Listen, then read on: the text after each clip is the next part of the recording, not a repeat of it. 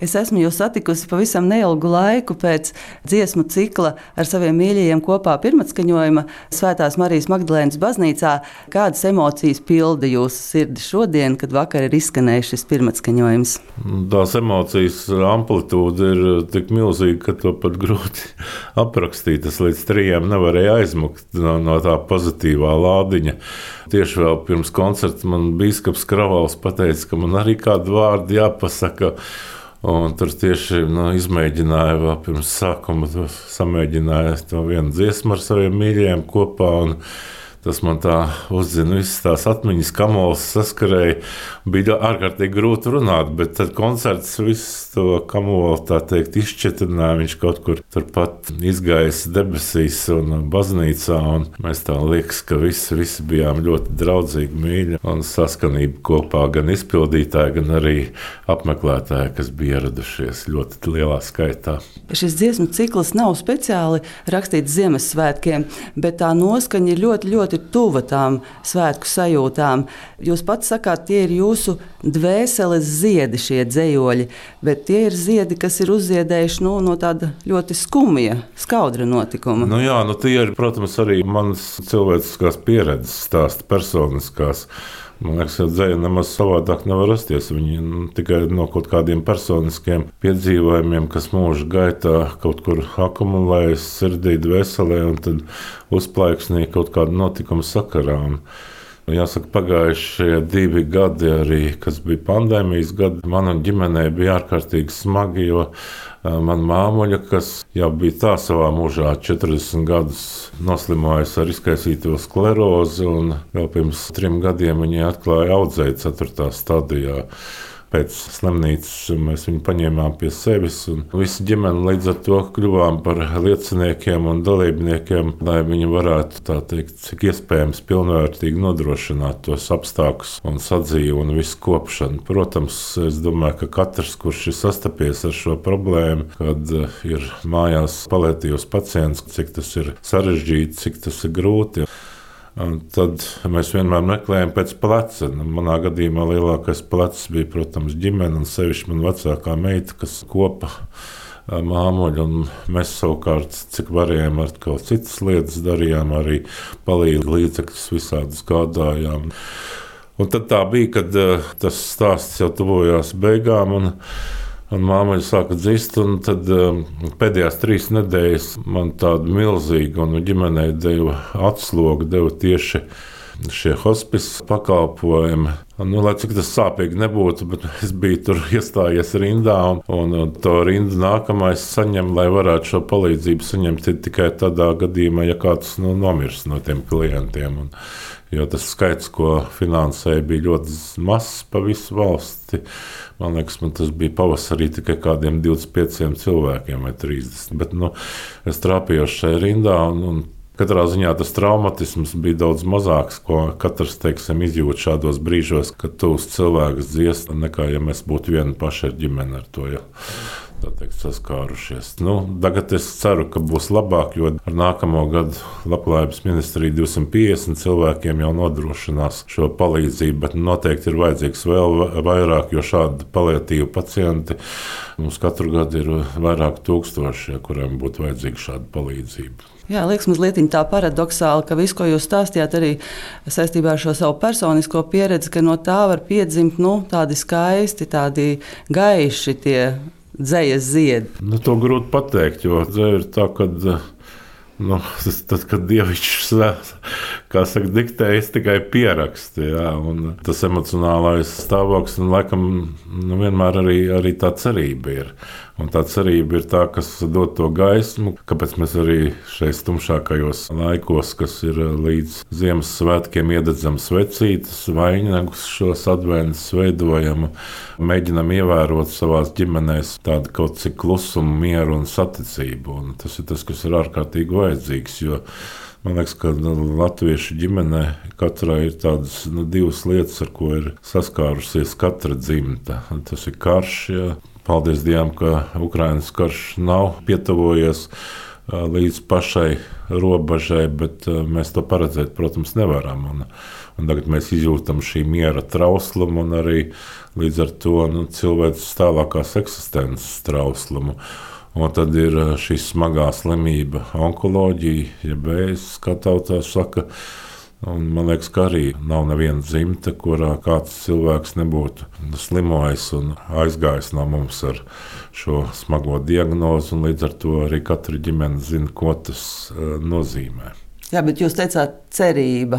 Jā, cerība ir. Nu, tas ir dzīves nu, nebeidzamība, kurā es redzu šo cerību un cerību tajā, ka tomēr par spīti visiem šiem notikumiem, ko mēs redzam pasaulē un arī pie mums Latvijā, kad cilvēki iesaistās un tomēr ir gatavi palīdzēt un ziedot, atņemt sev gandrīz vai pēdējo, lai palīdzētu ne tikai saviem piedarīgiem, bet arī Ukrāņiem, viņu ģimenēm, Un cerība ir arī tajā, ka mums ir brīnišķīgi cilvēki, arī speciālisti visdažādākajās nozarēs, un īpaši medicīnā ārsti, kas spēj veikt brīnumainas operācijas, glābt dzīvības. Jā, un cerība ir tā, ka arī nu, mēs katrs kaut kā ar savu saka, attieksmi varam šo dzīvi padarīt labāku. Jā, jūs teicāt, tā ir cerība arī tai mūžīgajai dzīvei, ja?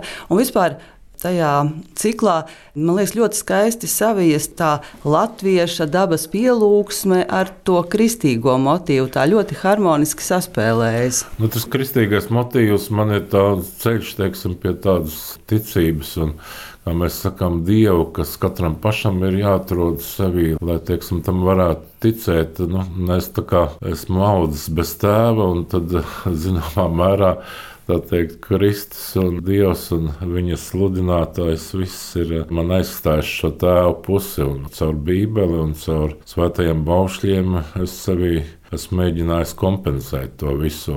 Man audzināja tikai māma, vecmāma un vecmāmas, kā teikt, citi bērni, kas bija mani krustvecāki un visi, bet no viņiem es saņēmu arī ļoti daudz mīlestības un dzīves ziņas, kuras centījos esmu nodot saviem bērniem un arī tagad savam mazdēlam. Runājot par jūsu darba dzīvi, tad jūs tādās smagās sfērās esat iekšlietās diezgan ilgus gadus medicīnā, kā preses cilvēks. Kā jūs to ar to dzinieka dvēseli savienojat? Nu jā, nu te ir tas uh, viens, tas kā mēs augām, tā pati bērnība bija ļoti grūta un jāsaka trūcīga. Mēs tādā nelielā namiņā Strasmožā, tur 25 kvadrātmetros bijām vienu brīdi pat kaut kādi 12 vai 14 cilvēki, jā, tur 70, 60 gados. Tur koku namiņām ar vienu toaleti un, kā teikt, bez siltā ūdens.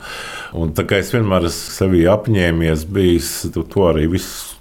tādu apzinīgu mūžu arī pildu, ka manai ģimenei lai būtu nodrošināta. Un, protams, arī sapratu to, ka labi, kaut kādas spējas rakstīt zēju, kad ar to es nevarēšu nodrošināt visu ģimeni. Tā un tāpēc es ļoti arī cenšos darīt šos ikdienas darbus, lai bērniem būtu pietiekami ēst, un esmu viņus izskolojis. Visu. Tā tas ir bijis. No, nu, tas ir laikam tas latviskais darba mīlestība, jā, kur man visvairāk vecmāma tieši ir audzinājusi ar savu dzīves ziņu, ka ļoti grūti varbūt to mūžu, jā, bet arī kārtīgi saimniece būdama Latvijas neatkarības gados un sargādama savu ģimeni arī pēc kara, kad vectēvu, kurš bija leģionārs, nošāvuši, bija viņa viena pati visu ģimeni uzturēja. Un no kurienes tas dzinieks jūsos? Un tas arī ir kāds svars. Jā, tā. tas ir kāds svars, jā, protams, ka tas ir kāds svars, jo kaut kā nu, ārkārtīgi svarīgi ir vienmēr stingri turēt un vienmēr papildināt šo savu vertikāli. Jā. Un savukārt horizontāli ir tā mūsu dzīve, kur tā vertikāli palīdz pacelt šo latiņu tik augstu, cik mēs katrs esam gatavi šim izaicinājumam. Jūs tāds impulsīvs dzējotājs esat? Arī impulsīvs. Bet, jā, protams, man arī daudz palīdzēja tas, ka es skolas laikā ārkārtīgi daudz ar ritmiem strādāju. Un viss jāmus, kā saka, amfibrahijas, daktils, anotopestis un viss vienkārši trenējos rakstīt gan ar atskaņām, gan dažādos ritmos ārkārtīgi daudz. Tas pēc tam nu, iedeva tādu pamatu, lai, tā, kad tev nāk tie vārdi vai tās sajūtas, lai tu viņus uzreiz ieliec tā ritmā. Man bieži vien ir tā, ka tā dzēja nāk arī gandrīz kā mūzika. Varbūt tāpēc arī visiem, gan Lūsēnam, gan Mārim Lasmam manim, gan daudziem citiem, ar ko es sadarbojos, ir viegli komponēt un dzīvojis. Mm. Es nezinu, bet tā vismaz viņi saka paši. mm. Bet arī šo projektu pavada labdarības ideja. Jā, nu tas ir tas, kad um, Es dzīvē esmu pats personīgi pārliecinājies par jebkuru, ko tu izdari labu, negaidot par to kaut ko pretī, saņemot tas atbalsts pēc tam, un tas pozitīvais atnāk atpakaļ. Un man liekas, ka, nu, ja tev ir dots, teiksim, ja tu esi vesels un viss, nu, tad tu nedrīkst nepiedalīties tajā dzīvē ar tiem, kam varbūt kaut kas trūkst un nepalīdzot. Ja tā ir pilnīgi, man liekas, pašsaprotama lieta. Un katra sabiedrības brieduma pakāpes tāds ļoti būtisks rādītājs. Es domāju, ka mums teiksim, šī morālā kopējā ir ļoti augsta Latvijā, jo cilvēki ir gatavi.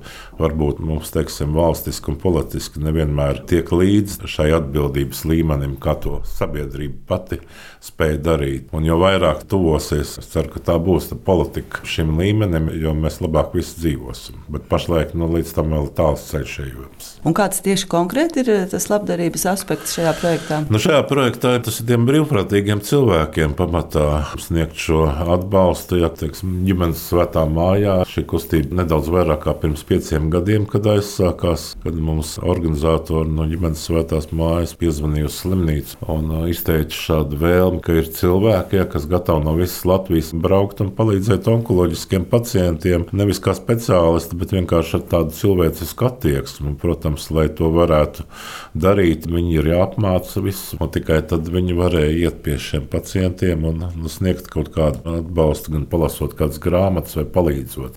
Tie ir brīvprātīgi, kas no visas Latvijas brauc, gan žurnālisti, dažādu profesiju cilvēki. Cik tagad ir to brīvprātīgo? Viņi jau vairāk simti ir, kas izgājuši piecu gadu laikā, bet nu, patstāvīgais skaits ir nedaudz virs simta. Viņus iet arī uz īpašas palietīvās aprūpas nodaļu mūsu, kas ir biķerniekos. Es domāju, ka šī kustība katrā ziņā ir veicināma, bet nu, valstiski ir jāizdara tie darbi, kas jādara profesionāļiem šim gadam nu, tāda melna ēna klājas pāri šie notikumi Ukrajinā. Jūs jau mazliet pieminējāt tos. Kādas vispār tās jūsu pārdomas par to ir? Kā mums pret to attiekties? Tā attieksme jau veidojas mūsu katras ģimenes dzimtas un katra cilvēka teiksim, šīs pieredzes, izpratnes, kādā sintēzē.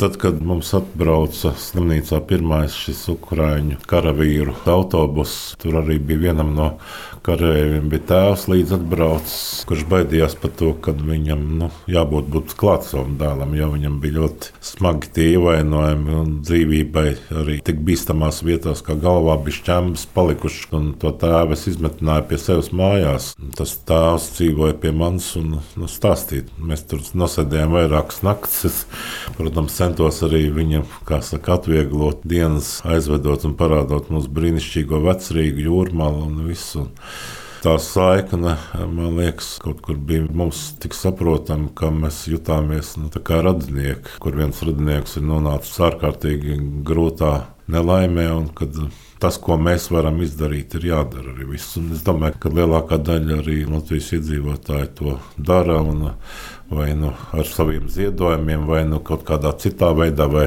kā tas notiek ar dot piecu šo brīnišķīgo akciju. Nu, katrā ziņā es visus ukrāņus, ko pazīstu, nu, viņi ir Latvijai un latviešiem nu, pilnīgi pateicīgi līdz asarām.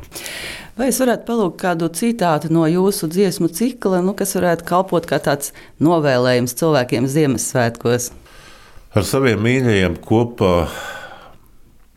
uz laipas mēs sēdēsim Laika upes rāmajā straumē, rīta gaismiņu mazgāsim. Ar saviem mīļajiem kopā tai pļavā mēs dusēsim, pār mākoņu klusēšanu, putnu balsīs skanēsim. Ar saviem mīļajiem kopā kā kors mēs skanēsim, tai pļavā zem aizmirstā krusta un ziedošām debesīm.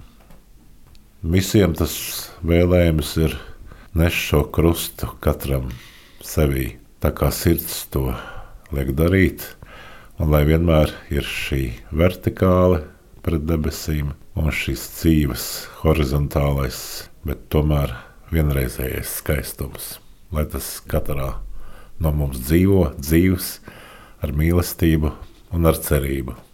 Lielas paldies jums par sarunu un priecīgus svētkus! Paldies! jums arī visiem piedzīvot šo augšām celšanos, katram sevī un visiem kopā.